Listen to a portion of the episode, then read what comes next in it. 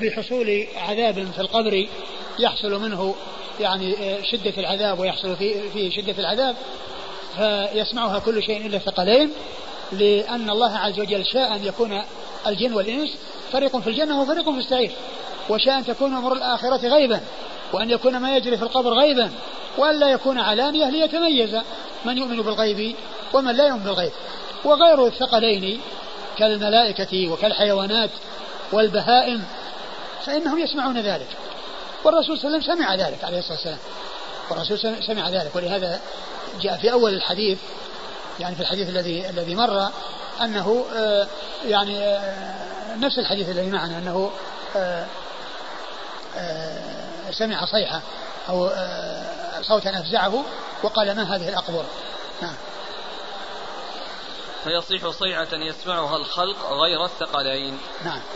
قال حدثنا محمد بن سليمان الأنباري. محمد بن سليمان الأنباري ثقة. صدوق. صدوق أخرجه أبو داود. عن عبد الوهاب بن عطاء الخفاف. عبد الوهاب بن عطاء الخفاف هو صدوق. ربما أخطأ. صدوق ربما أخطأ. أخرج له. البخاري في خلق أفعال العباد ومسلم وأصحاب السنن البخاري في خلق أفعال العباد ومسلم وأصحاب السنن عن سعيد عن قتادة. عن سعيد بن أبي عروبة هو ثقة أخرجه أصحاب كتب الستة. عن قتادة بن دعامة. السدسي البصري ثقة. أخرجه أصحاب كتب الستة. عن أنس بن مالك رضي الله عنه خادم رسول الله عليه الصلاة والسلام وأحد السبعة المعروفين بكثرة الحديث عن النبي صلى الله عليه وسلم. هل عذاب القبر دائم أم على حسب عمل الإنسان في الدنيا؟ منه ما هو دائم ومنه ما هو غير دائم. فالدائم مثل ما جاء في القرآن النار يعرضون عليها الكفار النار يعرضون عليها غدوا وعشيا ويوم تقوم الساعة ادخلوا آل فرعون أشد العذاب. يعني فهم في عذاب مستمر. وإذا بعثوا انتقلوا من عذاب شديد إلى عذاب أشد. وأما في آه، عذاب عذاب القبر فلا يقال أنه دائم في في حق أحد في كل العصاة بل الإنسان يمكن أن يحصل جزاء في عذاب القبر وأن يحصل نصيب من العذاب في القبر وبعد ذلك يسلم. ولهذا من مكفرات الذنوب ومن الأشياء التي يعني يحصل بها التخلص منها عذاب القبر. يعني الإنسان يعذب في قبره فيصير نصيبه من العذاب حصله في القبر ثم بعد ذلك يدخل الجنة ونصيبه حصله في قبره. ونصيبه من العذاب حصله في قبره. ثم أيضا يعني ورد ما يدل على على التخفيف وعلى حصول التخفيف وأن العذاب يعني يخف مثل ما جاء في قصة القبرين. الذين مر بهم الرسول صلى الله عليه وسلم وهما يعذب وهما يعذبان في في ذنبين.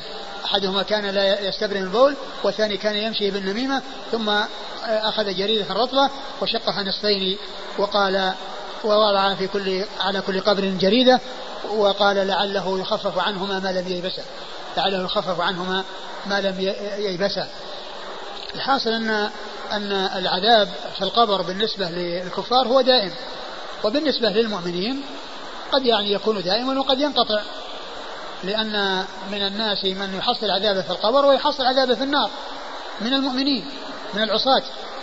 و وقد يحصل التخفيف كما جاء في هذا الحديث الذي عن رسول الله حديث ابن عباس في الصحيحين لعله يخفف عنهما ما لم يبسا وهذا الذي وضع في القبر والذي جاء في الحديث هذا من خصائص الرسول صلى الله عليه وسلم. لا يجوز لأحد أن يضع زهورا أو يضع يعني شيئا من من من من, من, من الاشياء الرطبه أو النبات على على قبر. لأن النبي صلى الله عليه وسلم علم العذاب في القبر وعلم سبب العذاب. وغير وغيره لا يعلم من من يعذب ومن ينعم. فاذا هذا من خصائصه عليه الصلاة والسلام ولا يجوز لأحد أن يفعله وأن آه، يجعل على القبور يعني شيئا من من الجريد أو شيء من الأشياء الرطبة. هذا من خصائص الرسول صلى الله عليه وسلم لأن الله تعالى أطلعه على العذاب وعلى سبب العذاب وغيره لا يطلع على ذلك ولا يعلم ما يجري في القبور. نعم. هل نعيم القبر وعذابه جزء من نعيم الجنة وعذاب النار؟ نعم لأنه جاء في الحديث. يفتح له باب الجنة فيأتيه من روحها ونعيمها وهذا يفتح له باب إلى النار فيأتيه من حرها وسمومها. فهذا النعيم من الجنة والعذاب من من النار. يفتح باب إلى الجنة فيأتيه من حر من من من من, من, من نعيمها. ويؤتى إلى النار فيأتيه من حرها وسمومها. هل يمكن أن يجيب المسلم عن أسئلة القبر مع كونه كان مقصرا في الدنيا مع سلامة توحيده؟ نعم يمكن. يمكن.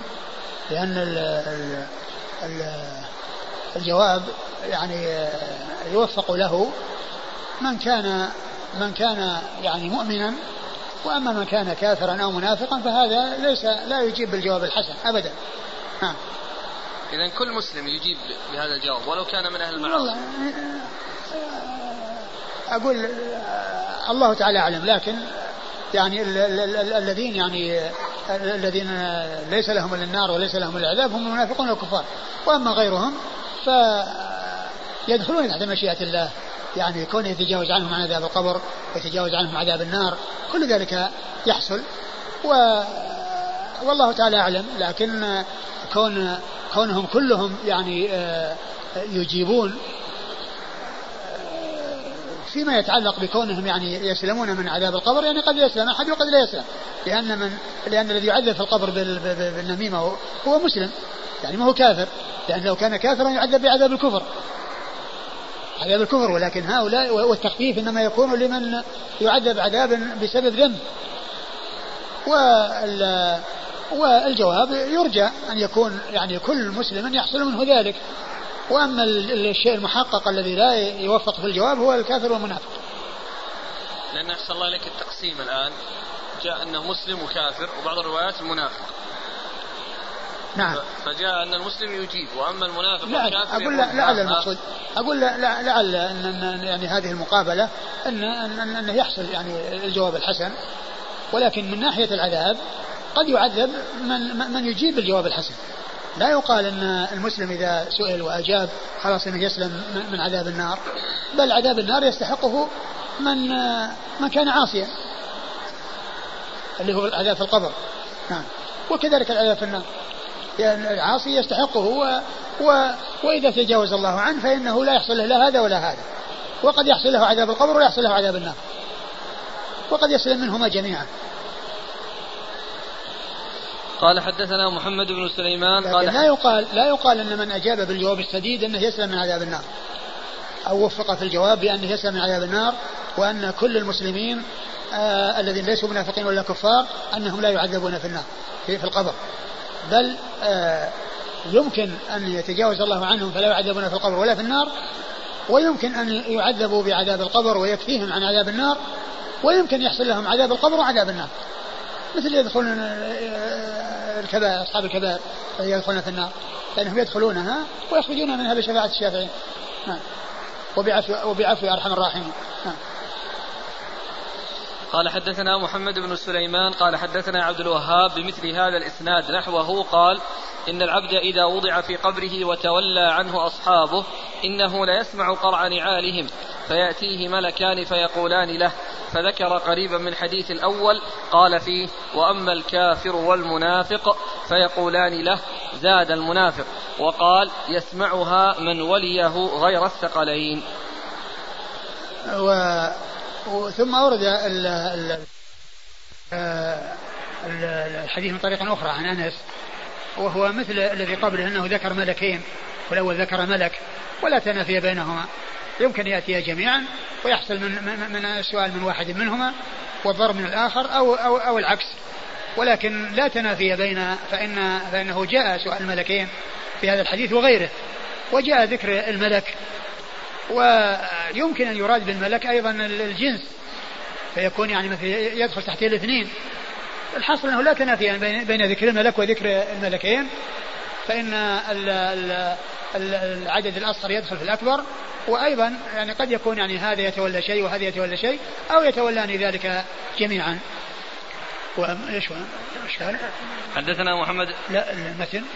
قال إن العبد إذا وضع في قبره وتولى عنه أصحابه إنه ليسمع قرع نعالهم. وهذا يدل على أن على أن الإنسان وهو في قبره وعندما يعني يسأل وعندما يعني تعاد إليه روحه تحصل المسألة أو المساءلة من الملكين فإنه يسمع قرع نعال آه، آه، الذين قبروه. يسمع قرع نعالهم إذا انصرفوا. قرع نعالهم إذا انصرفوا. و وهذا لا يدل على أن كل ما يجري في القبر وكل ما يجري آه، خارج القبر أنه يدري عنه صاحب القبر. وأن أصحاب القبور يسمعون كل شيء. يثبت ما ثبت ويسكت عما لم يثبت. وهذا قد ثبت.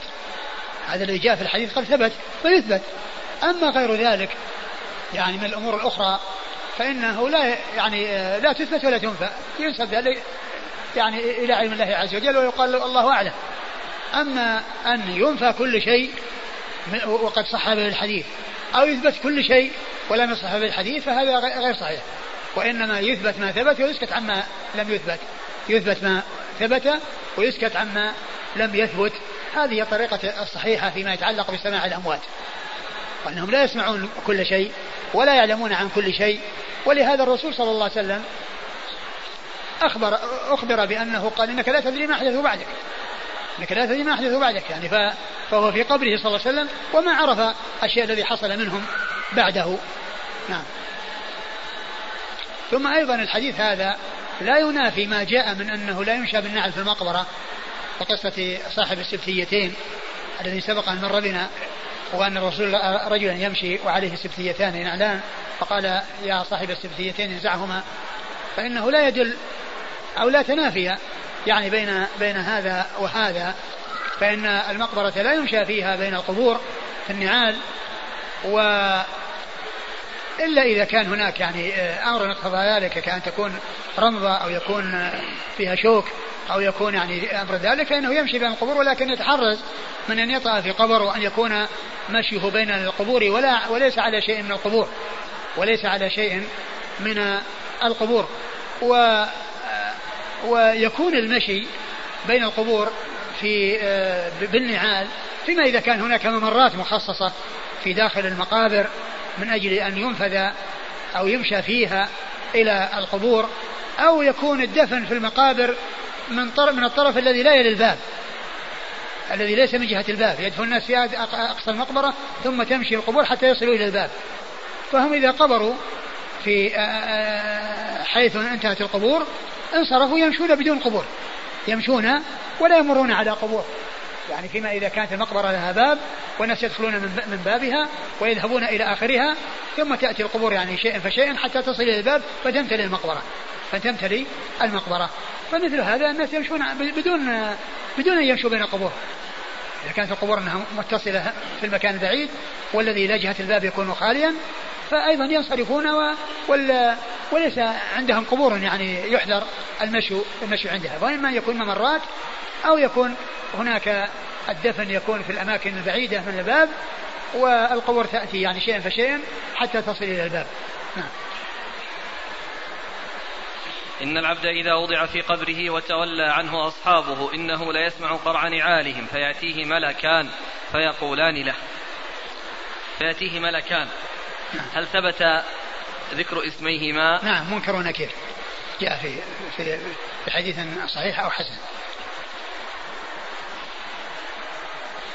فيقولان له فذكر قريبا من الحديث الأول قال فيه وأما الكافر والمنافق. فيقولان له زاد المنافق وقال يسمعها من وليه غير الثقلين. يسمعها من وليه غير الثقلين. يعني آه يعني آه لأن قال يعني كل في الحديث الأول إيش؟ الحديث الأول اللي قبله يسمعها. فيصيح صيحة يسمعها الخلق غير الثقلين. يسمعها الخلق غير الثقلين. يسمعها الخلق غير الثقلين. يعني وسيأتي أنه يعني ما بين المشرق والمغرب. يعني وهذا لا يعني قوله من وليه أنه يكون ذلك خاصا بالذين هم قريبا منه يعني من غير الثقلين.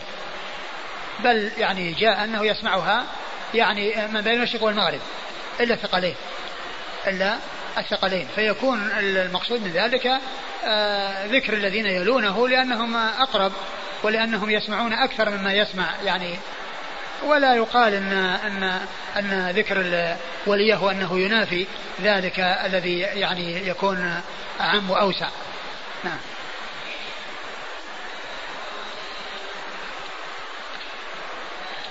قال حدثنا محمد بن سليمان قال حدثنا عبد الوهاب بمثل هذا الإسناد نحوه. نعم.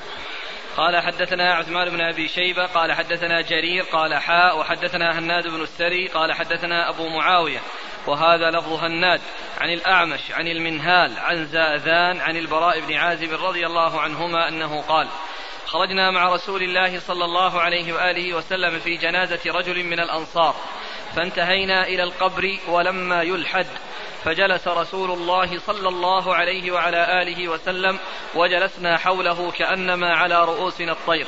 وفي يده عود ينكت به في الأرض. فرفع رأسه فقال استعيذوا بالله من عذاب القبر.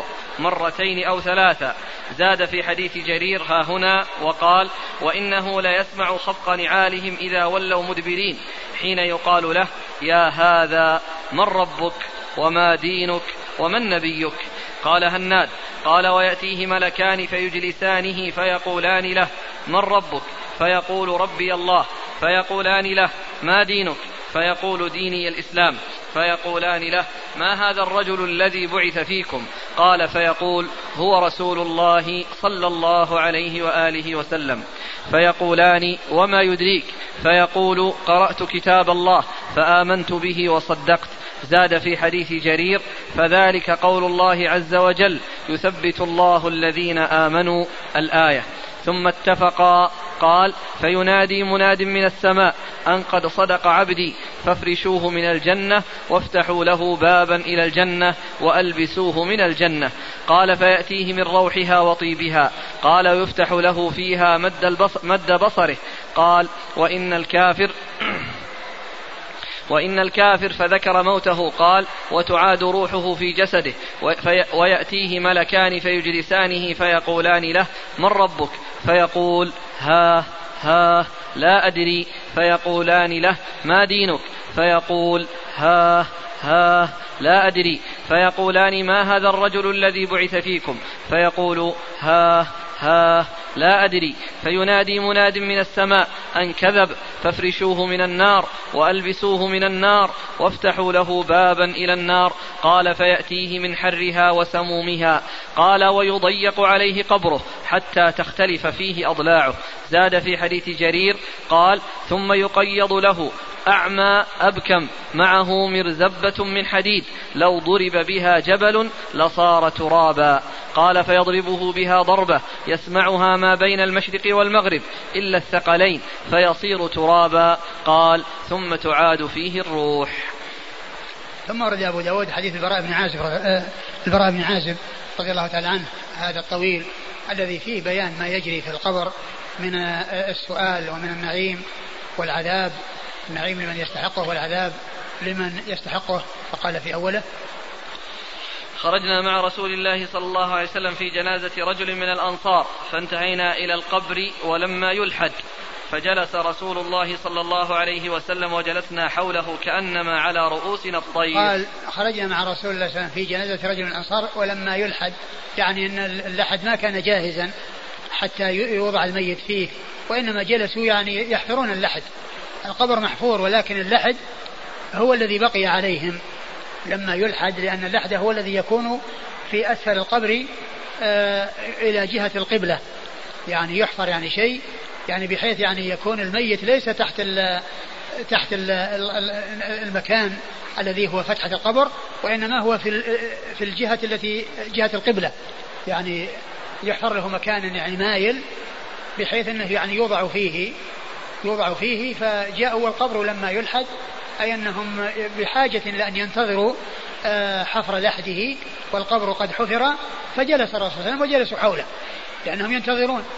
يعني ما كان القضية أنهم يدفنونه ويمشون بحيث جاءوا وضعوه ثم هالوا عليه التراب وإنما جاءوا وبقي هناك وقت يحتاج إلى انتظار فجلس صلى الله عليه وسلم وجلسوا حوله ومعه عود.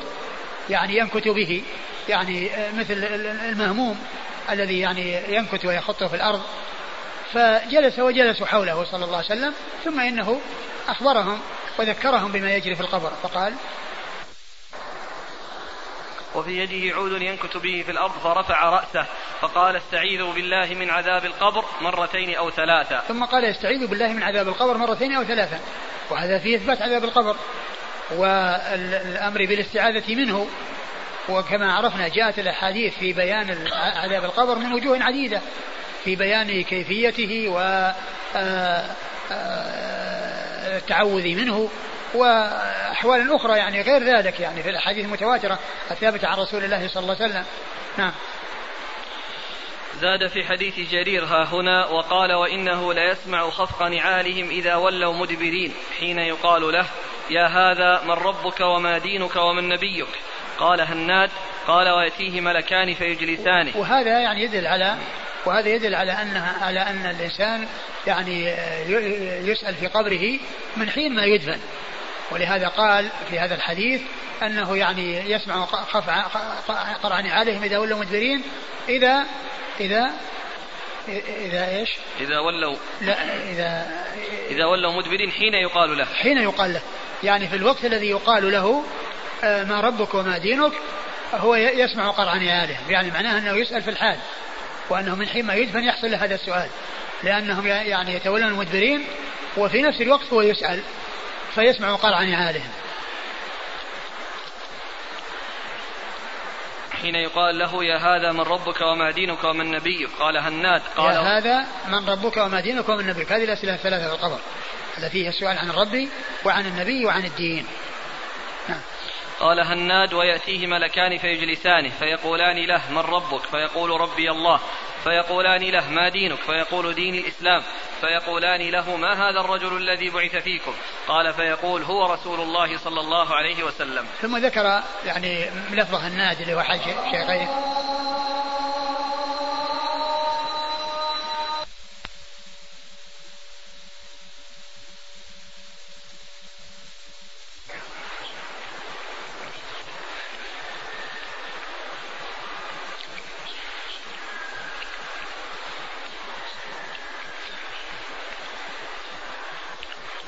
نقف عند هذا الحديث الطويل والله تعالى أعلم وصلى الله وسلم وبارك على عبده ورسوله نبينا محمد وعلى آله وأصحابه أجمعين.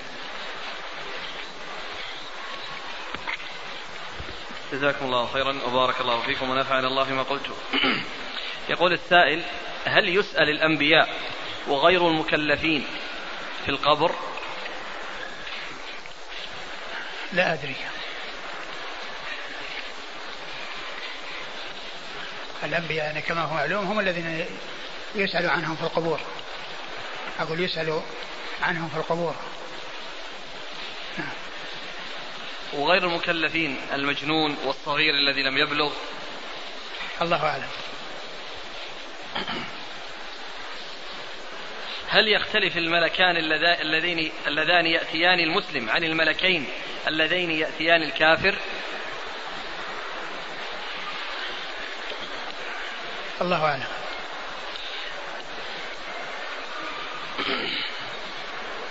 ما الحكمة من كون الذي يقبض روح الكافر أو يكون مع الكافر في قبره كونه أعمى أبكم؟ لأنها قالوا أنه يعني حتى يعني ما ما يكون فيه رحمة. يعني له لأنه إذا كان يعني يرى ويعني أو يسمع يعني شيء يعني قد يكون فيه شيء من الرحمة ولكنه إذا كان كذلك لا يرى ولا يسمع فإنه يعني يحصل منه العذاب ولا وليس فيه مجال للرحمة.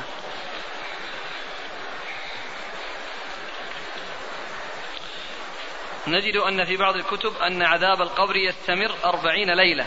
هل يصح هذا؟ والله ما نعلم يعني شيء يدل على هذا لأن هذه أمور غيبية. ما يجوز الكلام فيها إلا بدليل. عندنا في البلاد إذا مات أحد بعد دفنه يقوم أحد العلماء ويدعو له والباقون يؤمنون. هل هذه الطريقة صحيحة أم لا؟ الطريقة الصحيحة أن كل واحد يدعو للميت بأن يثبته الله عز وجل وأن يغفر له. هذا هو الذي ثبت عن رسول الله صلى الله عليه وسلم. أما أن يأتي واحد وأن يدعو الناس يؤمنون ولا يعني كل واحد يدعو بنفسه كل واحد يدعو بنفسه ويسأل بنفسه ويشفع بنفسه دون أن يكون واحد يعني يدعو الناس يؤمنون لأن هذا ذاك هو الذي ورد. وأما هذا لم يرد. وكذلك في بعض البلاد بعد أن يدعو له يقول له يخاطبه يا فلان إذا سئلت عن كذا فأجب بكذا. هذا أقول هذا شيء مع كونه يعني غير صحيح لا فائدة من وراءه لأن ما هي بالقضية أنها ستنبني على التلقين وأنه قال اعمل كذا ولا تعمل كذا. هذا شيء انتهى. الجواب آه الجواب بتثبيت الله عز وجل وإضلال الله عز وجل. ما قولكم فيما يروى عمن عن عمن كشف له عن بعض عذاب القبر كمن رأى قبرا يعذب صاحبه بعذاب معين ومثل هذا موجود في كتب ابن القيم وغيره. إذا صح أو إذا صح ذلك وثبت ذلك نعم يمكن. يمكن أن يعني شيء موجود يمكن يطلع يطلع عليه. لكن ما كل أخبار آه، تذكر يصدق بها. بل آه، أحيانا يأتي أخبار ليس لها ليس لها أساس. استدل بعض أهل العلم بحديث فتنة القبر هذا وعدم إجابته على أنه لا يجوز التقليد في الأمور العقدية. والشاهد من قوله سمعت الناس يقولون شيئا فقلته. هل هذا صحيح؟ هذا كما هو هذا مقلد في الشر. أقول هذا ما قلد إلا في الشر. قال سمع الناس يقولون شيئا فقاله يعني فيما يتعلق بالكفر. إن وجدنا أباءنا على أمة وإنا على آثارهم مهتدون. وإنا على آثارهم مقتدون. هذه الطريقة التي كانوا عليها. نعم. من كان مستحقا للعذاب في القبر لكنه دفن في جنة البقيع فهل يسلم لبركة المكان؟ آه ال ال ال جاء عن أحد الصحابة أظنه سلمان أن قال أن البلاد لا تقدس أهلها وإنما يقدس الإنسان عمله فالإنسان لو لو دفن فيه شخص كافر أو منافق فهل ينفعه كونه دفن في البقيع؟ ما ينفعه. أقول ما ينفعه. وإنما الذي ينفع الإنسان عمله الصالح إيمانه وعمله الصالح. والإنسان آه، آه، المهم في الأمر أن الإنسان يقدم لنفسه عملا صالحا يلقاه وسواء دفن في البقيع أو في غير البقيع هذا هو الذي ينفع الإنسان. وأما مجرد يعني كون الإنسان آه، يبتعد عن الله ثم يقول أن البقيع يعني يشفع له هذا هذه أماني. أقول هذه أماني كاذبة وهذا من تلاعب الشيطان بالإنسان. جنة البقيع. كلمة جنة بقيع هذه آه، من تعبير بعض العوام. يعني بعض عوام العجم اللي يقولون هذا جنة بقيع. البقيع البقيع وغير البقيع في جنة هناك يعذب من يعذب وينعم من ينعم. هل الصدقة عن الميت تؤثر في تخفيف العذاب عنه في قبره مثلا؟ آه، يرجى لأن النبي قال اتقوا النار ولو بشق تمرة. اتقوا النار ولو بشق تمرة. إن في بلادنا يوجد بعض الأماكن التي تقع في ساحل البحر فإذا حفروا قبرا وجدوا الماء قريبا جدا فلجأوا إلى إدخال الميت في صندوق ثم يضعونه في قبره. فما الحكم؟ آه الذي ينبغي أن يدفن في مكان يعني ليس قريبا من البحر. يعني إذا كان القرب من البحر هو الذي يحصل بسببه ذلك فإنه يدفن في مكان بعيد عنه. وإذا كان أنها ما حصل أن الأرض كلها ما فيها إلا, إلا هذه الطريقة ولا يمكن آه، آه، وضع الميت إلا بأن يوضع يوضع في شيء يحفظه من أن يعني يتمزق وأن يعني آه، لا بأس بذلك. إذا كان الأمر يقتضي هذا وأن أن أن يعني يكون مثل مثل مثل مثل وضعه يعني في, في, في ماء أو في كذا. لا شك أنه يعني س يعني ما يمكن أن يدفن بهذه الطريقة ولا يمكن يصير له قبر. ولا يمكن يصير له قبر. لكن إذا كان هناك أراضي يمكن آه، استعمالها وهي لا تكون بهذه الطريقة فإن الأخذ بها والدفن بها هو المطلوب. وإن كان لا يمكن إلا أن يوضع في في, في, في, في شيء يوضع في شيء. جاء عند ابن ماجه وصححه الشيخ الألباني رحمه الله إن الشمس تمثل له عند الغروب للمسؤول في قبره. فيقول للملكين دعوني أصلي. في فيقولان ستفعل. فما المراد بالصلاة هنا؟ آه الله تعالى أعلم. لكن الصلاة يعني تكون بمعنى الصلاة مثل ما جاء في الحديث عن موسى أنه كان يصلي في قبره كما ثبت في الصحيح كان يصلي في قبره. يعني فإذا كان ثبت فيمكن يكون هذا من هذا القبيل. هل لليلتنا هذه ولغد من هذا الشهر فضائل وخصائص؟ هذه الليلة التي هي ليلة نصف شعبان لم يرد فيها شيء ثابت عن رسول الله صلى الله عليه وسلم. والإنسان عليه أن يكون دائما وأبدا على صلة بالله وأن يكون يعبد الله عز وجل وأن لا يخص شيئا من الليالي والأيام إلا وفقا للدليل. وإذا لم يأتي دليل ويأتي بسنة عن رسول الله عليه الصلاة والسلام تدل على تخصيص بعض الليالي وبعض الأيام فإن على الإنسان يتقيد بما جاءت به النصوص فلا يحدث شيئا ولا يعمل شيئا آه، لم تأتي به النصوص عن رسول الله عليه الصلاة والسلام. ولم يثبت في ليلة النصف من شعبان يعني شيء. ولشيخنا الشيخ عبد العزيز بن باز رحمة الله عليه آه، رسالة اجتمعت اشتملت على أربع رسائل منها رسالة آه، يعني الاحتفال بالنصف من شعبان والاحتفال بالإسراء والمعراج والاحتفال بالمولد النبوي ورؤيا حادم الحجرة المكذوب الرؤيا المكذوبة التي تروج بين حين وآخر وهي مشتملة على على الباطل وعلى كذب. فهذه الرسائل الأربع طبعت تحت عنوان التحذير من البدع وهي أربع رسائل ومنها ليلة النصف من شعبان وأنه لم يثبت فيها سنة عن رسول الله عليه الصلاة والسلام والإنسان عليه أن يكون متبعا وأن لا يكون مبتدعا الشيء الذي ورد يأخذ به والذي لم يرد يمسك عنه. فقد قال عليه الصلاة والسلام من أحدث في أمرنا ما ليس منه ورد. وقال من عمل عملا ليس عليه أمرنا فهو رد. هذه فائدة أتى بها علي رضا بن عبد الله. يقول فضيلة الشيخ ذكرتم أنه لم يرد نص في ذكر أن إسرافيل هو الذي ينفخ في الصور. وقد بحثت فيما بين يدي من المصادر فوقفت على ما يلي. أولا روي في حديث الصور الطويل تسمية الذي ينفخ في الصور بأنه إسرافيل. ثانيا روى الطبراني في الأوسط تسميته أيضا بإسرافيل وقال الهيثمي إسناده حسن. ثالثا في كتاب العظمة لأبي الشيخ ابن, حي... ابن حبان ابن حيان. ابن حيان. رويت آثار عن بعض السلف بأنه إسرافيل. رابعا قال الطبري في تفسيره تظاهرت الروايات عن الرسول صلى الله عليه وسلم بأنه إسرافيل. آه، أقول قال بعض ابن كثير في ابن كثير في التفسير قال وفي الصحيح أو عزاه إلى الصحيح في تفسير سورة سورة الأنعام. ويوم وحصوري عن الغيب والشهادة والحكيم الخبير. عند تفسير هذا ذكر أنه في الصحيح.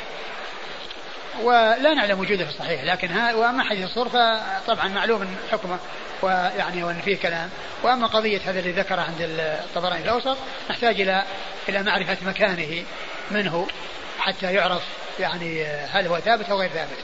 أنا لا أعلم يعني شيء فيما يتعلق بإسرافيل بانه ولكنه معروف مشهور عند الناس.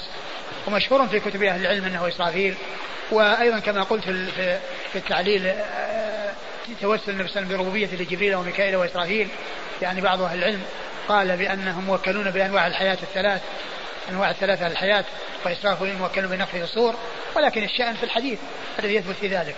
فاذا آه، المهم في الأمر هذا الذي ذكر عن المعجم الأوسط نحتاج إلى معرفته. بسم الله الرحمن الرحيم. الحمد لله رب العالمين والصلاة والسلام على عبد الله ورسوله نبينا محمد وعلى آله وصحبه أجمعين أما بعد. قال الإمام أبو داود السجستاني يرحمه الله تعالى باب في المسألة في القبر وعذاب القبر. وذكر أحاديث منها قال حدثنا عثمان بن أبي شيبة قال حدثنا جرير قال حاء وحدثنا هناد بن السري قال حدثنا أبو معاوية وهذا لفظ هناد عن الأعمش عن المنهال عن زادان عن البراء بن عازب رضي الله عنهما أنه قال خرجنا مع رسول الله صلى الله عليه وعلى آله وسلم في جنازة رجل من الأنصار فانتهينا إلى القبر ولما يلحد. فجلس رسول الله صلى الله عليه وعلى آله وسلم وجلسنا حوله كأنما على رؤوسنا الطير وفي يده عود ينكت به في الأرض فرفع رأسه فقال استعيذوا بالله من عذاب القبر. مرتين أو ثلاثا زاد في حديث جرير ها هنا وقال وإنه ليسمع خفق نعالهم إذا ولوا مدبرين. حين يقال له يا هذا من ربك وما دينك؟ ومن نبيك؟ قال هناد. قال ويأتيه ملكان فيجلسانه فيقولان له من ربك؟ فيقول ربي الله. فيقولان له ما دينك؟ فيقول دين الإسلام. فيقولان له ما هذا الرجل الذي بعث فيكم؟ قال فيقول هو رسول الله صلى الله عليه وعلى آله وسلم. فيقولان وما يدريك؟ فيقول قرأت كتاب الله فآمنت به وصدقت. زاد في حديث جرير فذلك قول الله عز وجل يثبت الله الذين آمنوا الآية. ثم اتفقا قال فينادي مناد من السماء أن قد صدق عبدي فافرشوه من الجنة وافتحوا له بابا إلى الجنة وألبسوه من الجنة. قال فيأتيه من روحها وطيبها. قال ويفتح له فيها مد بصره. قال وإن الكافر فذكر موته. قال وتعاد روحه في جسده ويأتيه ملكان فيجلسانه فيقولان له من ربك؟ فيقول ها ها لا أدري. فيقولان له ما دينك؟ فيقول ها ها لا أدري. فيقولان ما هذا الرجل ما هذا الرجل الذي بعث فيكم؟ فيقول ها ها لا أدري. فينادي مناد من السماء أن كذب فافرشوه من النار وألبسوه من النار وافتحوا له بابا إلى النار. قال فيأتيه من حرها وسمومها. قال ويضيق عليه ويضيق عليه قبره حتى تختلف فيه أضلاعه. زاد في حديث جرير قال ثم يقيض له أعمى أبكم معه مرزبة من حديد. لو ضرب بها جبل لصار ترابا. قال فيضربه بها ضربة يسمعها ما بين المشرق والمغرب إلا الثقلين فيصير ترابا. قال ثم تعاد فيه الروح. بسم الله الرحمن الرحيم.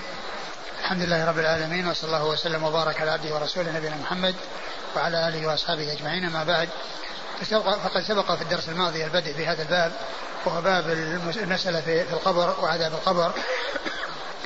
وهذا ومن هذه الأحاديث التي أوردها أبو داود في هذا الباب حديث البراء بن عازب الطويل.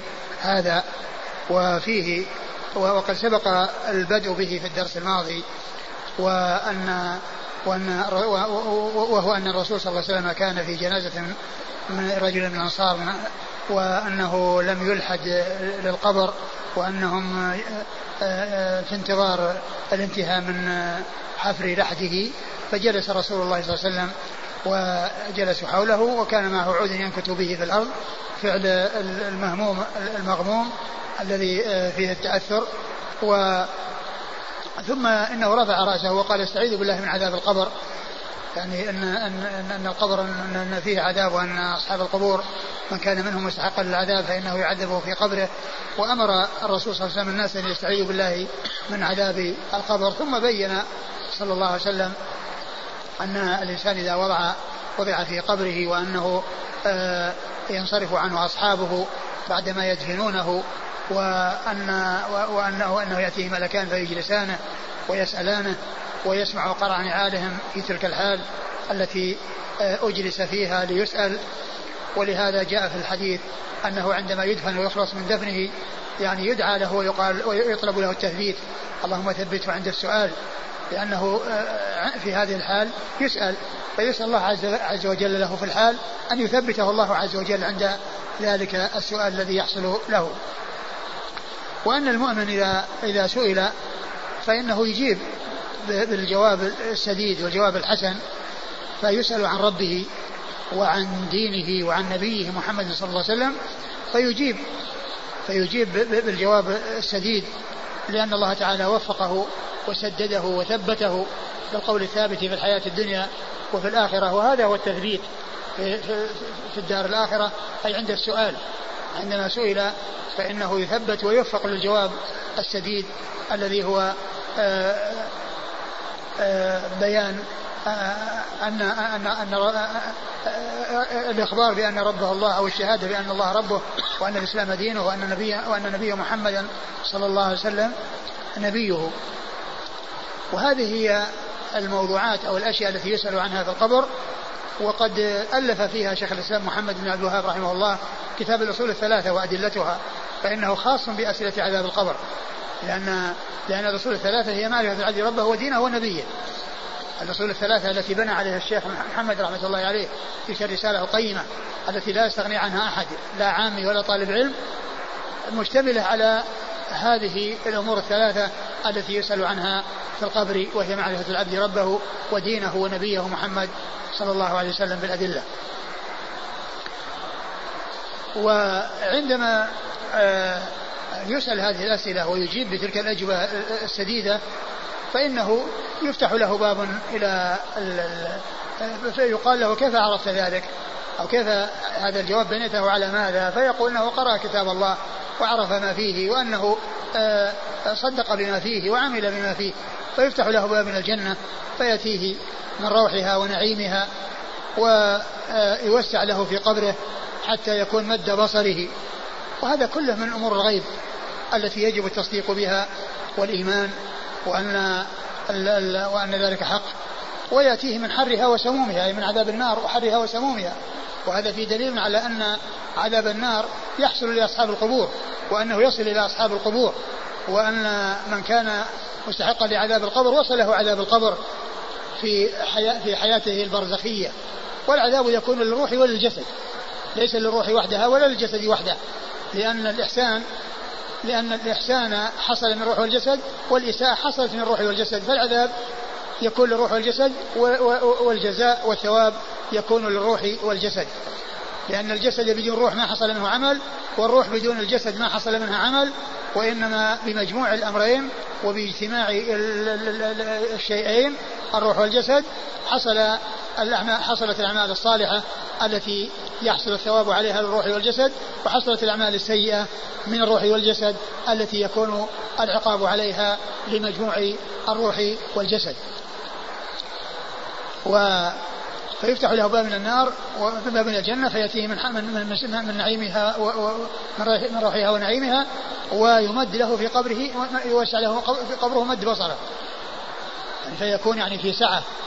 وهذا من أمور الغيب لأن القبور يعني كما هو معلوم على حسب ما يشاهده الناس ويعينه الناس تختلف عن عما جاء في هذا ولكن امور الغيب يجب التصديق بها سواء عرفت الكنه والحقيقة أو لم تعرف. ومعلوم أن هذه لا تعرف.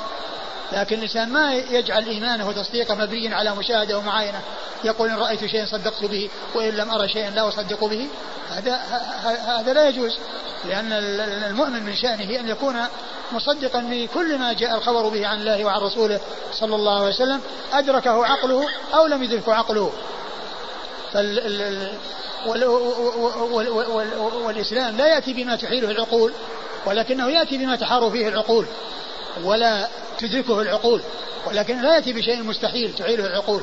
فإن تلك أمور يعني خفية وأمور آه، واقعة وحاصلة والناس لا يشاهدونها ولا يعينونها ولو فتح الإنسان القبر ما رأى نعيما ولا أرى جنة ولا رأى روحا ويعني نعيما يعني يأتي من الجنة. ولكن لا ينفى ذلك لأن الخبر جاء بذلك عن النبي صلى الله عليه وسلم فيجب التصديق به. وقد وجد يعني ما يوضح ذلك في الحياة الدنيا. وجد ما يوضح ذلك في الحياة الدنيا وهي أن الجسد يعني يتنعم والروح تتنعم في الحياة الدنيا. يعني وكذلك يحصل للروح أنها تتعذب والجسد يتعذب في الحياة الدنيا ويكون الأشخاص متقاربين ومن حولهم لا يدرك ما حصل لهذا من العذاب ولهذا من النعيم.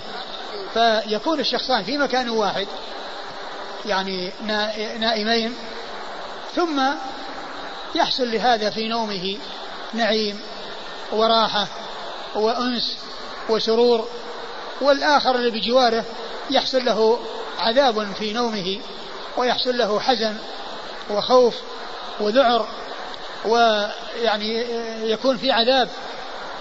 وهذا ما درى عن هذا وهذا ما درى عن هذا. ما هذا ما ما علم ما حصل له شيء من نعيم هذا ولا علم بشيء من نعيم هذا وهذا ما علم بشيء من عذاب هذا. والناس الذين يكونون حوله وهم مستيقظون أيضا لا يدركون الشيء الذي قد حصل له. ويقوم الإنسان من نومه إذا كان آه، رأى أنه في نعيم وأنه في لذة وفي سرور وفي متع وفي آه، أنس ومسره يقوم من نومه فرحا مسرورا بل قد يقوم ولعابه يسيل من ذلك الذي حصل له في نومه. وعلى عكس من ذلك آخر يكون معه في نفس المكان فيقوم من نومه مذعورا لأنه رأى الحيات تلاحقه والوحوش يعني تتابعه أو تنهشه ويتألم وقد يحصل منه صوت يعني صياح ومن حوله لا يدري عن الذي الذي حصل له. ثم يقوم وريقه ناشف. ليس ليس ليس مثل الأول لعابه يسير. وهذا في نعيم وهذا في عذاب. وهذا ما درى عن هذا.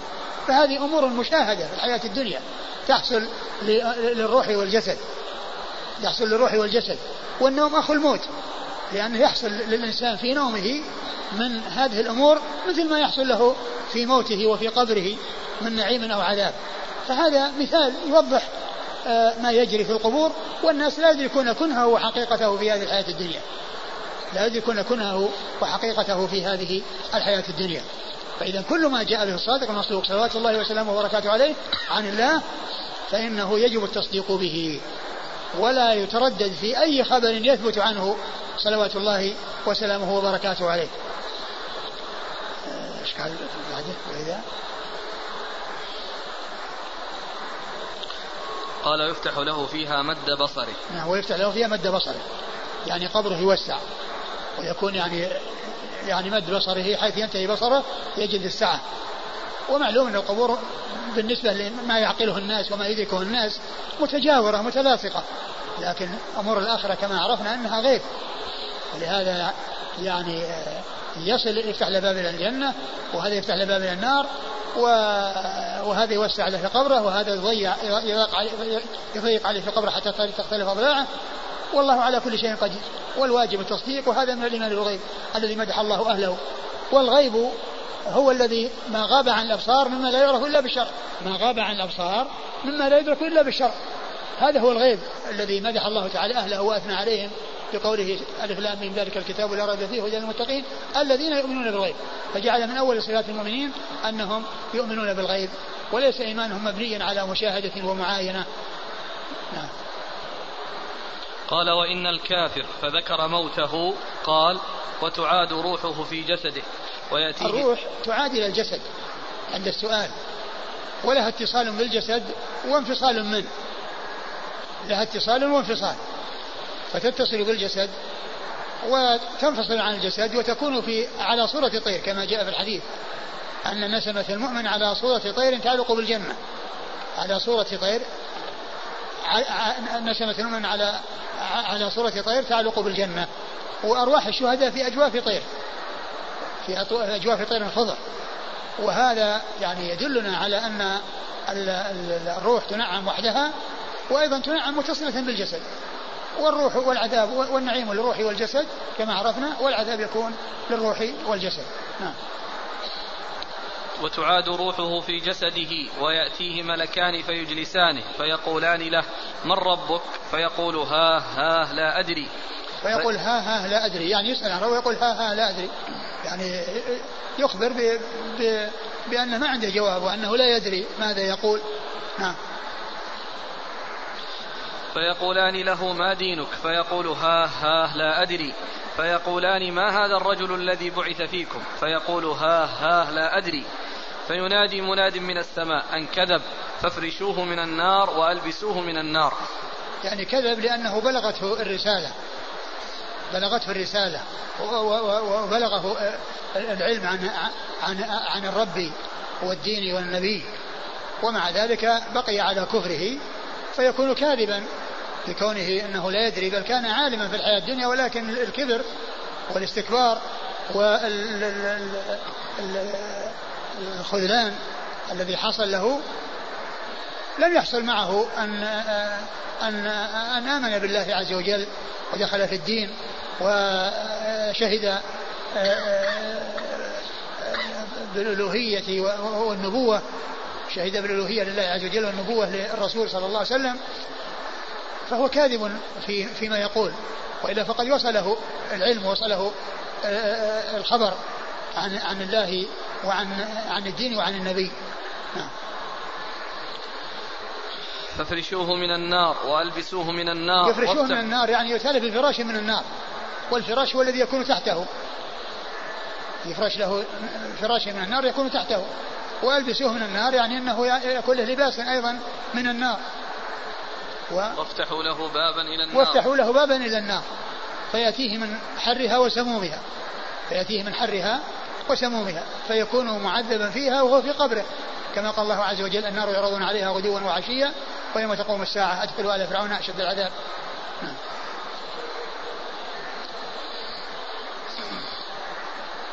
ويضيق عليه قبره حتى تختلف فيه أضلاعه. ويضيق عليه قبره حتى تختلف فيه أضلاعه. وهذا مقابل المؤمن الذي وسع له في قبره حتى صار مد بصره. حتى صار مد بصره. وهذا أفرش من الجنة من الجنة وهذا أفرش من النار. وهذا ألبس من الجنة وهذا ألبس من النار.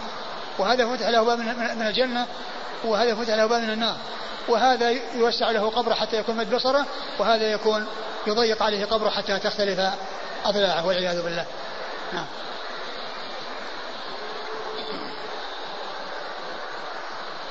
هذه مسألة الضغطة التي في القبر. نعم هذا جاء أنه لو نجا منها أحد نجا منها سعد بن معاذ. وهذه الذي يبدو أنها ليست أنها ليست عذاب.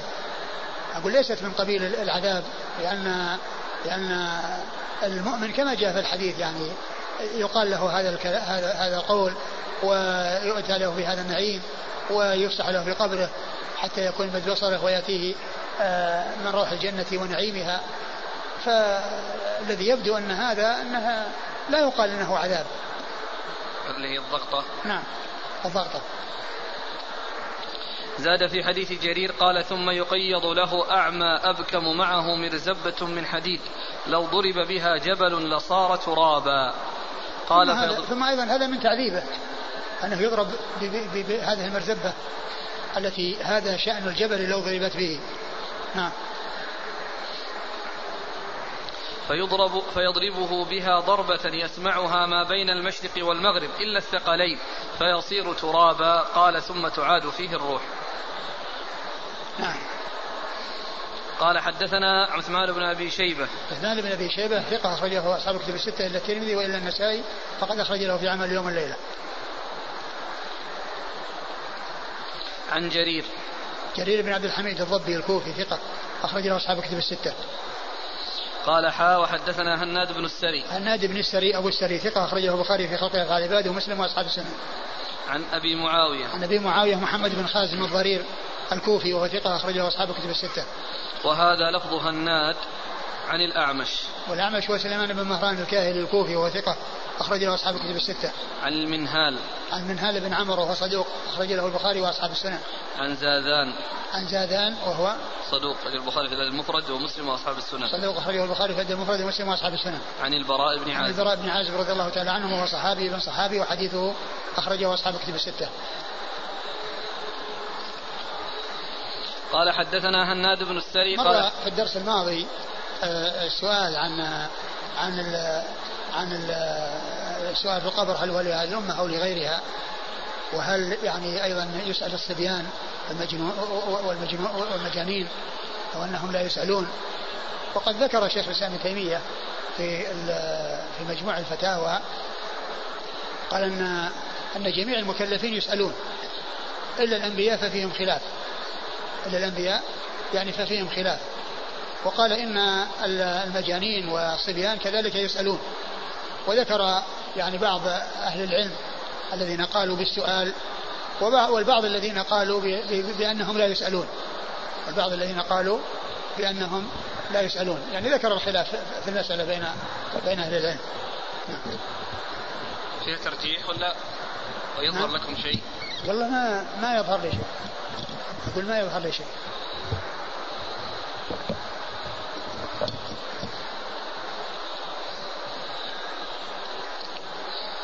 لكن قوله المكلفين إن المكلفين يسألون هذا الذي يظهر ان أن كل المكلفين يسألون يعني من هذه الأمة ومن غيرها. من هذه الأمة ومن غيرها. قالوا إنما الخلاف إنما هو في الأنبياء. والأنبياء يعني كما هو معلوم يعني الواضح أنهم يعني هم الذين يسال عنهم. وهم الذين جاءوا بالدين وما عرف الدين إلا من طريقهم. وهم أصحاب الدين الذين جاءوا به وبلغوه إلى الناس. نعم.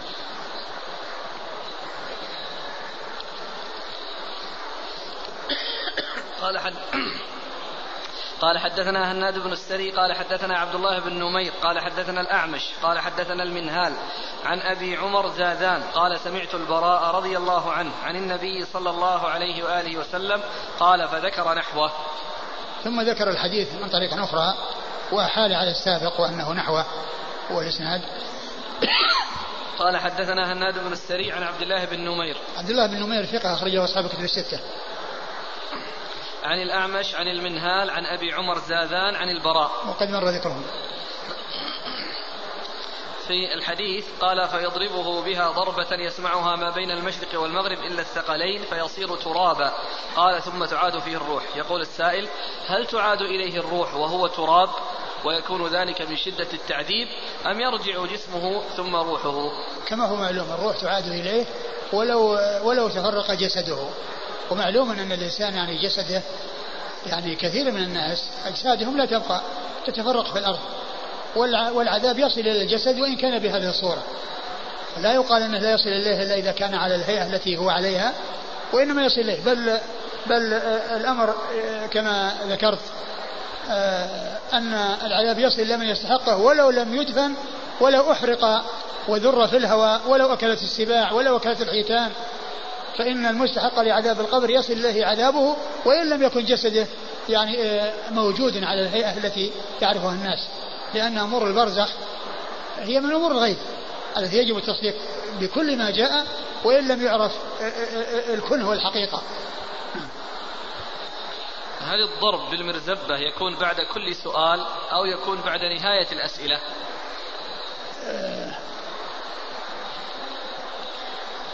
الحديث هو قال في الأول قال إيش؟ فيأتيه ملكان ويجلسان فيقول له من ربك فيقول ها ها لا أدري فيقولان له ما دينك فيقول ها ها لا أدري فيقولان ما هذا الرجل الذي بعث فيكم؟ فيقول ها ها لا أدري فينادي مناد من السماء أن كذب فافرشوه من النار وألبسوه من النار وافتحوا له بابا إلى النار. قال فيأتيه من حرها وسمومها هو إعادة الروح كما هو معلوم عند السؤال. لأن الإنسان يسأل يعني وروحه موجودة. يسأل وروحه موجودة معه. ولهذا تعاد إليه روحه ويجلس ويسأل و يعني ال وينعم ويعذب. وذلك يكون للروح والجسد لأن الإحسان والإساءة منهما فالنعيم والعذاب يكون عليهما معا. والروح كما ذكرت كما ذكره يعني أهل العلم أنها لها اتصال بالجسد ولها انفصال فتنعم متصلا به متصلة به وتعذب منفصلة عنه. كان السؤال عن الضرب.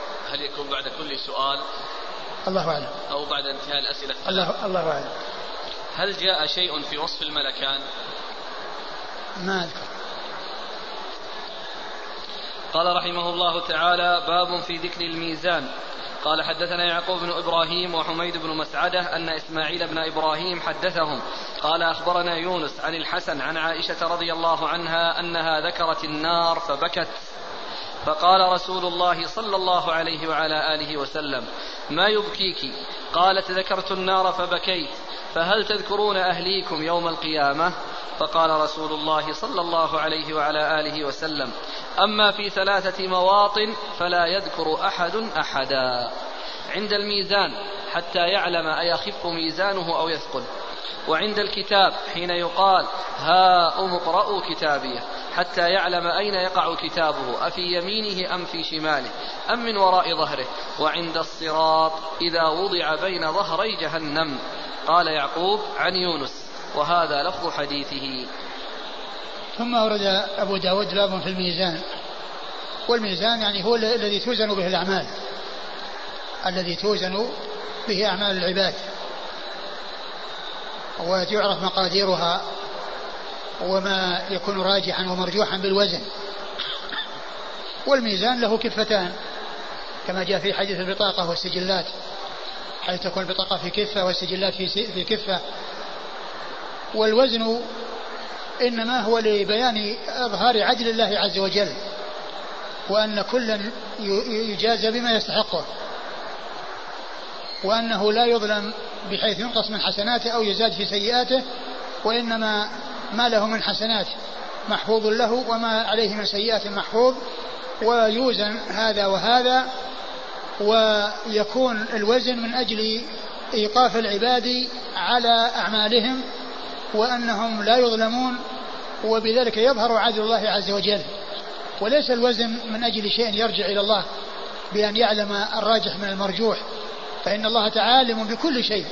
حصل الوزن أو ما حصل الوزن. عالم بأن هذا راجح وهذا مرجوح. وزن أو لم يوزن. ولكن المقصود منه إظهار عدل الله عز وجل. ولهذا بعض الفرق الضالة أنكرت الميزان من جهة العقل. وقالوا أن أن الميزان يحتاج إليه البقال والناس الذي يحتاجون إلى معرفة الراجح والمرجوح. والله عز وجل لا يحتاج. نعم هو لا يحتاج ولكن ليس الوزن من أجل أن يعلم الراجح والمرجوح بل هو عالم وزن أو لم يوزن. عالم بمقادير أعمال العباد راجحها ومرجوحها وزنت أو لم توزن. وليس هذا أمر يرجع إلى الله سبحانه وتعالى.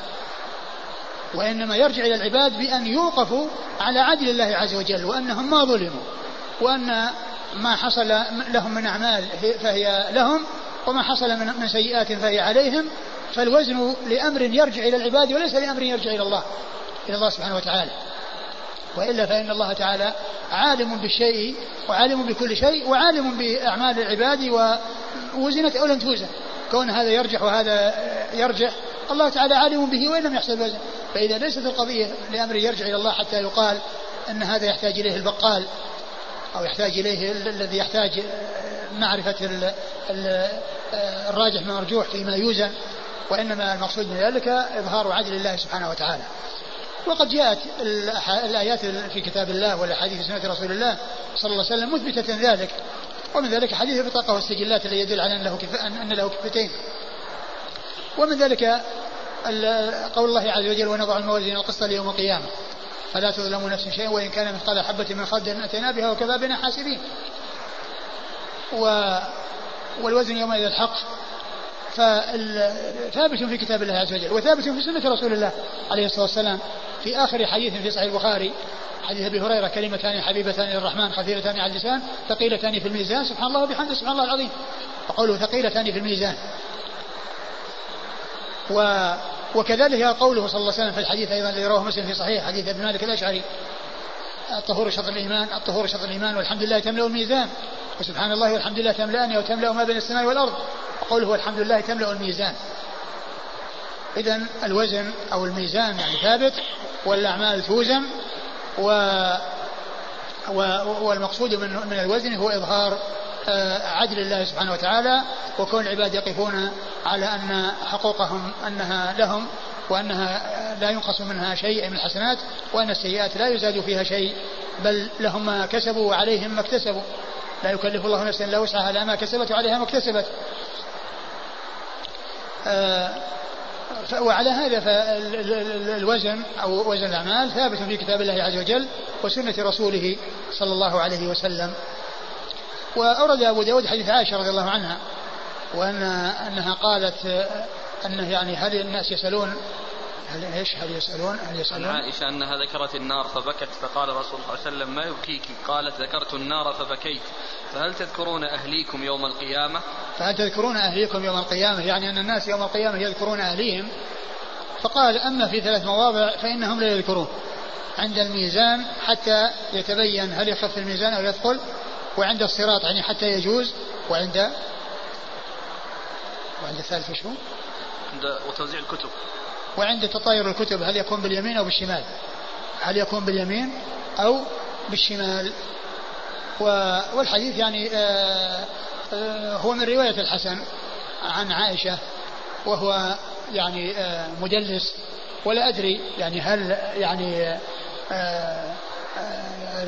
رواية عن عائشة متصلة أو غير متصلة لكن سواء كان يعني روى عنها أو لم يروي ما دام أنه بالعنعنة وهو مدلس فإن ذلك يقدح يعني في الرواية. وأيضا من ناحية المعنى من ناحية المعنى كونهم يعني لا يذكرون لأنهم من حين يخرجون من من من, من قبورهم وهم في أمر يذهل بعضهم عن بعض. ولهذا يعني جاء في الحشر وعلى طريقة كيفية الحشر وأنهم يخرجون حفاة عراة غرلا. قالت عائشة رضي الله عنها الرجال والنساء ينظر بعضهم إلى بعض؟ قال الأمر أعظم من أن يهمهم ذلك.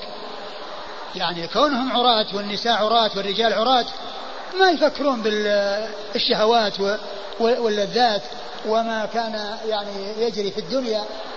من من فتنة الرجال بالنساء والنساء بالرجال عندهم شيء أكبر من أن يفكروا بهذا الأمر. فيعني هذا هذا كما هو علم ما ينسيهم. يعني آه، كل مشغول بنفسه. يعني كل نفسي نفسي. وأيضا يعني في الموقف يعني كل آه، آه، آدم ومن بعده من أولي العزم من الرسل كل واحد يقول نفسي نفسي اذهبوا إلى غيري. فقضية يعني قصره على هذه الأمور الثلاثة مع أن الأمر والخوف والذعر يعني موجود يعني في من حين من حين الموقف وأنهم يخرجون بهذه الصورة التي عندهم ما يشغلهم عن أن يفكروا بما كانوا يفكرون به في الحياة الدنيا. فاذا هو الإسناد يعني فيه يعني علة والمتن أيضا فيه يعني شيء من النكارة. نعم. قال حدثنا يعقوب بن إبراهيم. يعقوب بن إبراهيم الدورقي وهو ثقة أخرجه أصحاب الكتب الستة بل هو شيخ لأصحاب الكتب الستة. روى عنه مباشرة بدون واسطة. ويعقوب بن إبراهيم الدورقي هو محمد بن بشار ومحمد بن مثنى هؤلاء من من صغار شيوخ البخاري. وهم من من من من شيوخ أصحاب الكتب الستة. وقد مات الثلاثة في سنة واحدة وهي سنة 252 قبل وفاة البخاري بأربع سنوات. شيوخ الثلاثة الذين هم شيوخ أصحاب الكتب الستة كلهم ماتوا في سنة واحدة وهي سنة 252 وحميد بن مسعدة. حميد بن مسعدة الصدوق أخرجه مسلم وأصحاب السنن. عن إسماعيل بن إبراهيم. إسماعيل بن إبراهيم بن علية ثقة أخرجه أصحاب الكتب الستة. عن يونس. عن يونس بن عبيد وهو ثقة أخرجه أصحاب الكتب الستة. عن الحسن عن الحسن بن أبي الحسن البصري ثقة أخرجه أصحاب الكتب الستة. عن عائشة عن عائشة أم المؤمنين رضي الله عنها وأرضاها الصديقة بنت الصديق وهي واحدة من سبعة أشخاص عرفوا بكثرة الحديث عن النبي صلى الله عليه وسلم. قال يعقوب عن يونس وهذا لفظ حديثه. قال يعقوب عن يونس لكن أخبرنا يونس. أخبرنا يونس. يعني في الإسناد أخبرنا يونس. نعم. قال يعقوب أخبرنا قال يعقوب عن يونس يعني أنه ب يعني ب يعني ب من هو؟ ما بين العلية ما بين العلية ويونس قال يعقوب عن بالعنعنة بلفظ عن. وقال الشيخ الثاني حميد بن مسعدة. قال حميد بن مسعدة أخبرنا.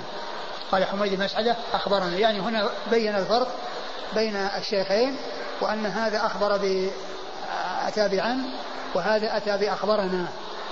ومعلوم أن أن عن ممن لا يعرف بالتدليس هي مثل أخبرنا وحدثنا يعني الاتصال يعني حاصل ولا شبهة فيه وإنما الإشكال فيما إذا كان مدلسا فإن التعبير بعن يؤثر. وإنما يعني يسلم من من التدليس فيما إذا وجد التحديث التصريح بالسماع بأن يقول أخبرنا أو حدثنا أو سمعت أو غير ذلك من العبارات التي تدل على الاتصال. وأما العنعنة من غير المدلس فهي في حكم المتصل وفي حكم التحديث والإخبار وإنما التأثير بالعنعنة إنما يكون ممن عرف بالتدليس. قال وهذا لفظ حديثه. وهذا لفظ حديثه أن السياق سياق هو آه المتن هو سياق حديث يعقوب.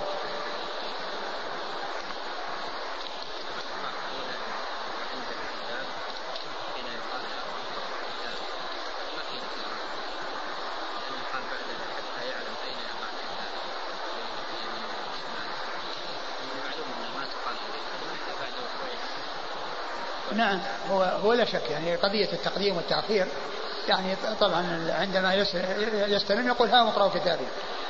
وهذا يقول يا ليتني لم أوت كتابي. فمسألة التقديم والتأخير يعني يمكن أن يكون تقديم وتأخير ولكن الكلام في قضية يعني أنهم ما ما يعني يذهلون إلا عند هذه عند هذه المواقف الثلاثة. مع أنهم يذهلون في الموقف نفسه قبل أن يذهبوا للحساب والميزان. وإنما يعني يطلبون الحساب وأن يأتي الله عز وجل بفصل القضاء حتى ينتهي موقفهم الذي هم فيه. وقوله يعني عن يمينه أو من وراء ظهره لأن هو الاستلام بالشمال وسواء كان يعني استلمها يعني يعني من شماله أو إنها يعني آه، غلت وذهب بها إلى قفاه فاستلمها من الجهة التي كانت يده فيها. هو الاستلام بالشمال. نعم؟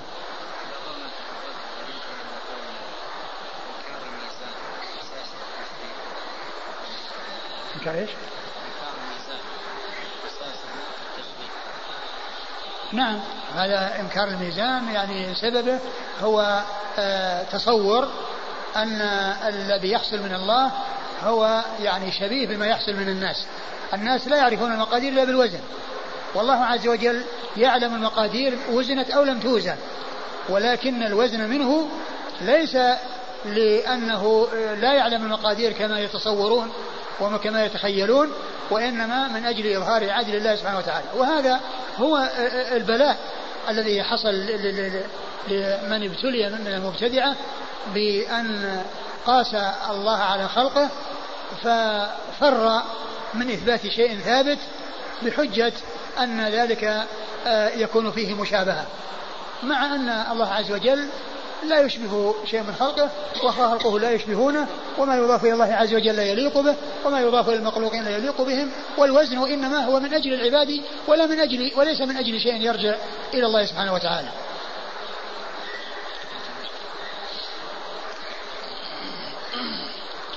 أحسن الله إليك ما هو الذي يوزن توزن الأعمال وتوزن الصحائف وأيضا قيل أنه يوزن نفس الإنسان كما جاء في قصة آه عبد الله بن مسعود رضي الله عنه في ساقيه انهما اثقل في الميزان من جبل أحد. وهل هو ميزان واحد أم متعدد؟ الله أعلم ولكن كما هو معلوم الله على كل شيء قدير. يعني قضية كونه متعدد أو واحد يعني آه الوزن يحصل بال أقول وزن يحصل سواء كان واحدا أو متعددا وكونه واحدا أيضا ليس فيه ليس فيه إشكال. كما أن الله عز وجل يسأل الناس ويأتي الواحد ويسأله و ومعلوم أن أمور الآخرة يعني تختلف عن أمور الدنيا. لأن الآيات جاءت بالجمع. ونضع الموازين. خفت موازين. نعم يعني هي جاءت ولكن لا يعني ذلك أنه لا بد وأن تكون وأن تكون جمعا. لأن قضية كونها كونه واحد ممكن وليس بمستحيل من ناحية العقل. وإن كان أنه يعني لا يعني يحار فيه العقل. مثل مثل سؤال الله عز وجل كونه يسأل كل واحد. نعم. وهذا يقول كيف يوزن العمل مع أنه أمر معنوي؟ نعم يعني هذا يعني الأعراض تقلب أعيانا وتتحول إلى أعيان يعني توزن تقبل الوزن. يعني مثل يعني الكلام هو صفة للإنسان وليس يعني شيئا جرم ولكن الله تعالى يقلب الأعراض ويجعلها أعيانا تقبل الوزن. هل توزن أعمال الكفار مع العلم بأنهم من أهل النار أم توزن فقط لإقامة الحجة عليهم؟ آه معلوم أن الكفار ليس لهم حسنات حتى توضع هذه في كفة وإنما هذه في كفة. وإنما الذي يحصل الحساب كونهم يعني آه، آه، يعني يقررون عليها ويقال عملت كذا وحصل منك كذا وحصل منك كذا. وذلك زيادة تبكيت لهم وتقريع لهم. ومعلوم أن يعني ال ال ال ما عندهم حسنات توضع في الكفة الثانية حتى يتبين الراجح والمرجوح. فهم من ناحية تقريرهم وأنهم يوقفون على أعمالهم. نعم هذا هو الحساب. وليس عندهم يعني شيء آه، وقد جاء في القرآن فما تقول خفت ذلك ما يحسبون أنفسهم في جهنم خالدون يعني آه، في الكفار يعني انهم يعني هم الذين يخلدون في النار ولكن من ناحيه الوزن والمقابله بين كفه وكفه ليس عندهم حسنات آه آه، تكون في الكفة الثانية ولكنها يعني كما هو معلوم الكفة الثانية ما فيها شيء فتكون تلك يعني ال آه، يعني هذه مليئة وهذه لا شيء فيها. نعم. سمعت أن الميزان يوم القيامة الكفة الراجحة تكون أعلى أي مرتفعة عن المرجوحة بعكس موازين الدنيا. فما صحة ذلك؟ وهل ورد فيه دليل؟ والله ما نعلم. أقول ما نعلم عن شيء في هذا الله أعلم. ما هو الترتيب؟ أقول معروف أن أن الرجحان يعني يكون بالشيء الذي يعني آآ آآ يوزن وأنه يعني يفيد أو لا يفيد. يعني فالإنسان إذا رجحت حسناته يعني استفاد وإذا رجحت السيئات تضرر وإذا كان ما له إلا سيئات فما عنده إلا سيئات فيتضرر. نعم. ما هو الترتيب الصحيح بين الصراط والميزان والحوض؟ الذي يبدو أن الحوض في عرصات القيامة قبل الميزان والميزان يكون بعد الحساب. والحساب يعني آه، يكون في إنهاء الموقف. الموقف الذي يموج الناس بعضهم في بعض ويسألون يطلبون أو يستشفعون ليأتي الله عز وجل لفصل القضاء بينهم وذلك بالحساب. وعندما يثبت العمل ويعني يكون جاهزا عند ذلك يأتي الوزن من أجل أن يوقف العباد على عدل الله عز وجل. وبعد الميزان الصراط الصراط بعد ذلك لأن الصراط ليس بعده إلا النار والجنة لأن الصراط فوق النار ومن جاء على ظهره يريد العبور إلى الجنة فإنه يقع في النار إذا كان من أهلها وإذا كان ممن وفقه الله فإنه يتجاوز الصراط على الكيفية التي يتفاوت الناس فيها بالسير على الصراط وذلك حسب أعمالهم. وعلى هذا فالحوض يعني قبل والميزان يعني بعده والصراط يعني بعد ذلك. ذكرتم أن الميزان له كفتان ولسان. كلمة لسان ما قلتها. ما أدري عنها. كلمة لسان لا أعرف عنها شيء.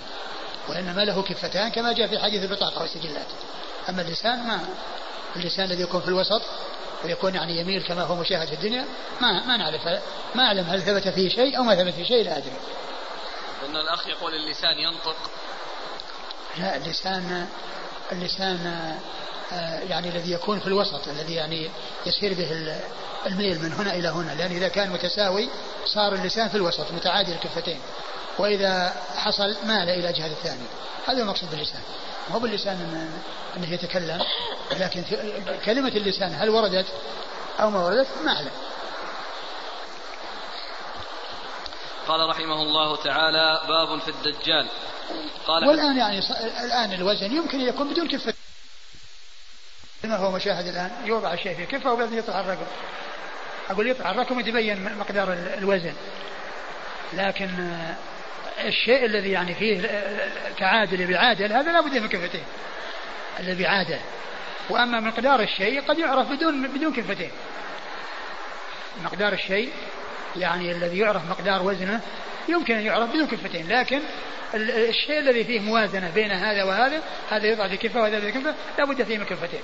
ولهذا ميزان الأعمال فيه كفتان لأن فيه شيء يوضع في هذا وشيء يوضع في هذا.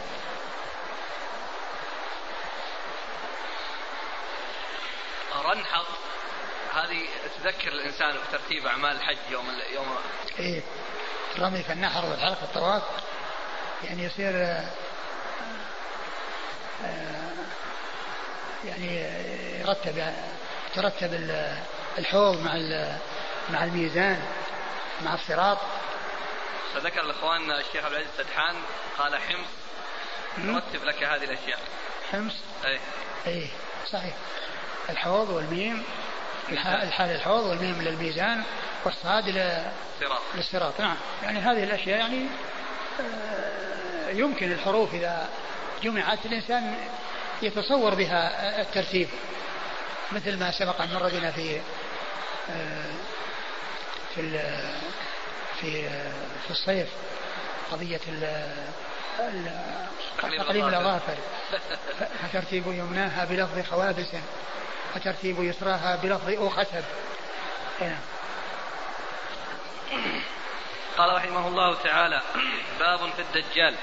قال حدثنا موسى بن إسماعيل قال حدثنا حماد عن خالد الحذاء عن عبد الله بن شقيق عن عبد الله بن سراقة عن أبي عبيدة بن الجراح رضي الله عنه أنه قال سمعت النبي صلى الله عليه وعلى آله وسلم يقول إنه لم يكن نبي بعد نوح إلا وقد أنذر الدجال قومه وإني أنذركموه. فوصفه لنا رسول الله صلى الله عليه وآله وسلم وقال لعله سيدركه من قد رآني وسمع كلامي. قالوا يا رسول الله كيف قلوبنا يومئذ؟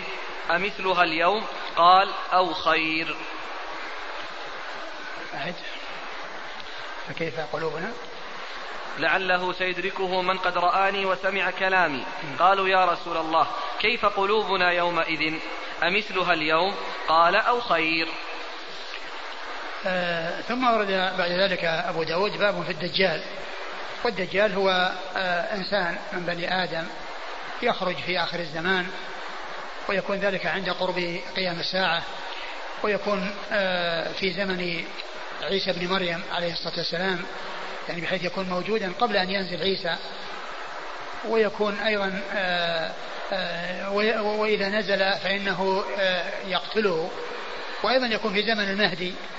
لأنه جاء في الحديث أن عيسى بن مريم يصلي وراء إمام المسلمين وقد جاء في بعض الأحاديث أنه المهدي و ثم بعد ذلك يخرج ويقتله بباب لد يقتل الدجال بباب لد. فهو من من علامات الساعة الكبار التي تكون في آخر الزمان وهو فتنة وفتنة عظيمة. يأتي الناس بأمور يعني عجيبة وأمور غريبة. والناس يفتنون به. وقد أعطي يعني القدرة يعني في الانتقال. وسيره في الأرض يعني جاء أنه كالريح كالغيث استدبرت في الريح. ويطوف المدن ولا يمنع من شيء منها إلا من مكة والمدينة. ويأتي الناس بجنة ونار. وناره جنة وجنته نار. والناس آه، يخرجون يتبعونه ويلحقونه. والمدينة لا يستطيع الدخول فيها. وتمنعه الملائكة من دخولها ولكن جاء في الحديث أنه ترجف ثلاث رجفات فيخرج إليه كل كافر وكافرة وكل منافق ومنافقة. يخرج إليه كل كافر وكافرة وكل منافق ومنافقة يعني يخرجون إليه ويتبعونه. وجاء فيه أحاديث كثيرة متواترة. في الصحيحين وفي غير الصحيحين. حديث الدجال متواترة عن رسول الله عليه الصلاة والسلام وثابتة. وهم بني آدم وفتنة عظيمة من أعظم الفتن. وقد جاء أن الأنبياء حذروا أممهم منه والنبي صلى الله عليه وسلم حذر أمته منه وجاء عنه أحاديث تدل على أنه آه أنه قريب جدا وأن وقد جاء قال يخرج وأنا فيكم فأنا حجيجه وإلا, وإلا فكل امرئ حجيج نفسه. ولعل هذا أنه كان قبل أن يعلم بأن وقته متأخر. لأنه جاء عنه عليه الصلاة والسلام آه، نصوص تدل على على على على تأخر وقته وعلى وجود أمور تقع يعني قبل وقته. فما جاء من الأحاديث يحمل على أساس أنه ما كان ما كان أوحي إليه بالوقت الذي ولكنه قريب. وقد أخبر عليه السلام أنه بعث والساعة كهاتين وأنه قريب من الساعة والدجال هو من علامات الساعة. ولكن جاء في بعض الأحاديث ما يدل على قربه وأنه قد يخرج وهو فيهم وقد يخرج وهو ليس فيهم.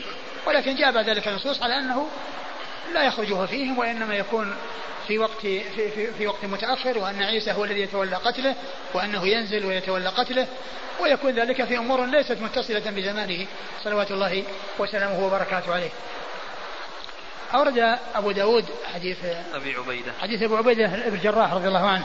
أبو عبيدة عامر بن عبد الله بن الجراح رضي الله تعالى عنه. وقال أن قال صلى الله عليه وسلم إنه لم يكن نبي بعد نوح إلا وقد أنذر الدجال قومه. لم يكن نبي بعد نوح إلا وقد أنذر الدجال قومه. يعني أنذرهم فتنة الدجال. و وبعده. وإني أنذركموه. فوصفه لنا رسول الله صلى الله عليه وسلم وقال لعله سيدركه من قد رآني وسمع كلامي. نعم لعله لعله يدركه من رآني وسمع كلامي. يعني معناه أنه قد يعني يحصل في زمن قريب وأن الذين رأوه وصحبوه رأوا الرسول صلى الله عليه وسلم وصحبوه أنهم يدركونه ويرونه. وهذا يشبه الحديث الذي قال آه، أن يخرج فيكم فأنا حجيجه وإلا فكل امرئ حجيج نفسه. نعم. قالوا يا رسول الله كيف قلوبنا يومئذ؟ أمثلها اليوم؟ قال أو خير. قالوا كيف قلوبنا يومئذ؟ يعني أمثلها اليوم أو خير؟ يعني من ناحية الثبات لأنه إذا جاء بالفتنة يعني بعض الناس يعني يتغير ويتأثر ويتغير ما في نفسه ويعني يرى أمور مذهلة. فقد يحصل منه يعني أشياء يعني آه، يعني غير طيبة. وهنا أشار إلى أن قلوبهم يعني أنها مثل الآن أو خير يعني معناه أنهم يثبتون أنهم يثبتون وأنهم لا تؤثر فيهم فتنته وأنهم لا يعني يحصل لهم آه، الافتتان به بحيث أنهم يصدقونه ويتبعونه وقد أخبرهم النبي صلى الله عليه وسلم عن أخباره وأنهم آه، لا يصدقونه وأن جنته نار وناره جنة. نعم. والحديث ضعفه الألباني وفي إسناده آه، آه، عبد الله بن سراقة. عبد الله بن سراقة هذا قال البخاري إنه لم يسمع من من أبي عبيدة. نعم. قال حدثنا موسى بن إسماعيل موسى بن إسماعيل التبوذكي ثقة أخرج له أصحاب كتب الستة. عن حماد عن حماد بن بن سلمة بن دينار البصري ثقة أخرج له البخاري تعليقا ومسلم وأصحاب السنن. عن خالد الحذاء عن خالد الحذاء خالد بن مهران الحذاء ثقة أخرج له أصحاب كتب الستة. عن عبد الله بن شقيق عن عبد الله بن شقيق وهو ثقة أخرج له البخاري في الأدب المفرد ومسلم وأصحاب السنن. البخاري في الأدب المفرد ومسلم وأصحاب السنن. عن عبد الله بن سراقة عن عبد الله بن سراقة وثقه العجلي وقال البخاري إنه لم يسمع من أبي عبيدة. أخرج له أبو داود والترمذي. وأخرجه أبو داود والترمذي. عن أبي عبيدة بن عن أبي عبيدة عامر بن عبد الله بن الجراح رضي الله تعالى عنه وهو أحد العشرة المبشرين بالجنة وحديثه أخرجه أصحاب كتب الستة. قال حدثنا مخلد بن خالد قال حدثنا عبد الرزاق قال أخبرنا معمر عن الزهري عن سالم عن أبيه رضي الله عنه أنه قال قام النبي صلى الله عليه وعلى آله وسلم في الناس فأثنى على الله بما هو أهله فذكر الدجال فقال إني لأنذركموه وما من نبي إلا قد أنذره قومه لقد أنذره نوح قومه ولكني سأقول لكم فيه قولا لم يقله نبي لقومه تعلمون أنه أعور وأن الله ليس بأعور. ثم ورد أبو داود حديث ابن عمر رضي الله تعالى عنهما أن الرسول صلى الله عليه وسلم خطب الناس ويعني حذرهم من فتنة الدجال وقال إن ما من نبي إلا وقد أنذره قومه وأنه ينذرهم هو وأنه سيقول فيه قولا ما قاله نبي قبله. يعني معنى ذلك أنه عنده من العلم وأن الله تعالى قد أعطاه من العلم ما لم يعطه أحدا قبله من الأنبياء الذين أنذروا قومه أنذروا أقوامهم إياه فإنه قد وصفه لهم. في كلام في حديثه هذا وصف النبي ذلك الدجال وأنه أعور وأن الله عز وجل ليس بأعور وهو يعني يدعي الألوهية ومع ذلك هو يحمل شاهدا يدل على كذبه وهو أنه لا يستطيع أن أن يغير هذا هذا الأمر الذي فيه من التشويه ومن الهيئة التي هي غير حسنة.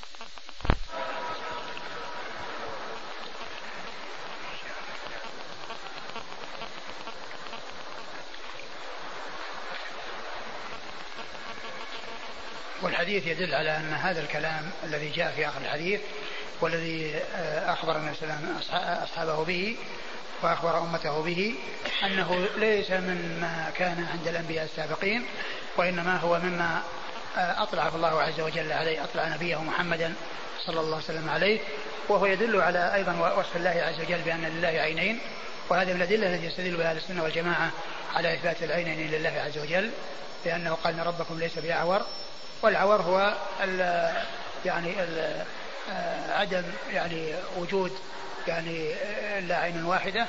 والله عز وجل له عينان. نعم. قال حدثنا مخلد بن خالد. مخلد بن خالد الشعيري وهو ثقة أخرجه مسلم وأبو داود. ثقة أخرجه مسلم وأبو داود. عن عبد الرزاق. عبد الرزاق بن همام الصنعاني اليماني ثقة أخرج له أصحاب كتب الستة. عن معمر بن راشد الأزدي البصري ثم اليماني ثقة أخرج له أصحاب كتب الستة.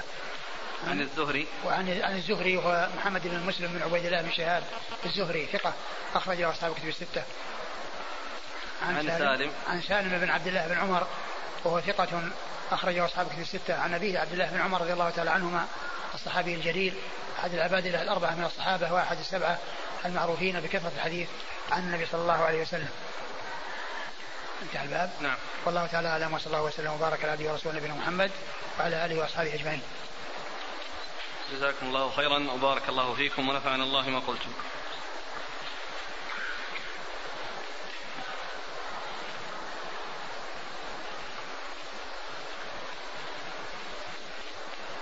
يقول هل يفهم من قول الصحابة رضي الله عنهم كيف قلوبنا يومئذ؟ وقول النبي صلى الله عليه وسلم أو خير أن من يدركه الدجال من المؤمنين قلوبهم خير من قلوب الصحابة؟ لا لأن الكلام على الصحابة الخطاب للصحابة. يعني معناه أنكم إذا أدركتموه فأنتم تسلمون منه وقلوبكم يعني يكون فيها من الثبات ومن اليقين ما يجعلكم لا تنخدعون به ولا تتبعونه. هذا الأخ يذكر فائدة عن الشيخ ابن عثيمين. في تعدد الموازين الآيات الأشجار. قال تعدد الموازين هو باعتبار ما يوزن لا باعتبار الميزان نفسه في فتاوى العقيدة المجلد الثاني. أظن هذا أظن ذكر شارح الطحاوية. يعني باعتبار باعتبار الموزونات. نعم. المقابر في بلادنا وسط المزارع. ولذلك فإن مستوى الماء بعد متر من الحفر. فيقوم الناس ببناء القبور بالطوب وبعضهم يجعلونها أعلى من الأرض متر أو مترين. فهل يجوز مثل هذا؟ أولا هذا السؤال سئلنا عنه في الدرس الماضي والذي نقول إنه آه، المناسب أن أن تكون القبور في أماكن ليس فيها ماء. ولا الناس يبقون في مكان ثم يروحون يرفعون القبور ويبنون حتى يعني يدفنوا في مكان مرتفع وإنما يبحثون عن أماكن بعيدة عن الماء فيجعلون فيها وقلنا أنه إذا كان أن, أن الأمر احتاج إلى أنه يجعل في شيء من أجل أنه لا يعني يذهب في الماء يعني يحفظه أن ذلك لا بأس به. وأما كونه يعني يرفع البنيان ويعمل بنيان مثل مقصورة ويدفن شخص فيها فيكون هذا من من أسباب الفتن التي يفتن الناس في في الموتى ويعظمونهم. نعم. هذا يسأل عن أحاديث تزاور الأرواح. فيذكر أن الشيخ الألباني صحح أو حسن حديث تزاور الأرواح وأثبت ابن تيمية رحمه الله حديث تزاور الأرواح في القبور في الفتاوى الكبرى. فما رأيكم؟ والله ما أدري ما عندي يقول فضيلة الشيخ ماذا تقولون في ضمة القبر التي قال عنها الرسول صلى الله عليه وسلم لو نجا منها أحد لنجا منها سعد؟ هل هذه الضمة تساوي ضمة الكافر أو لا أقول لا يمكن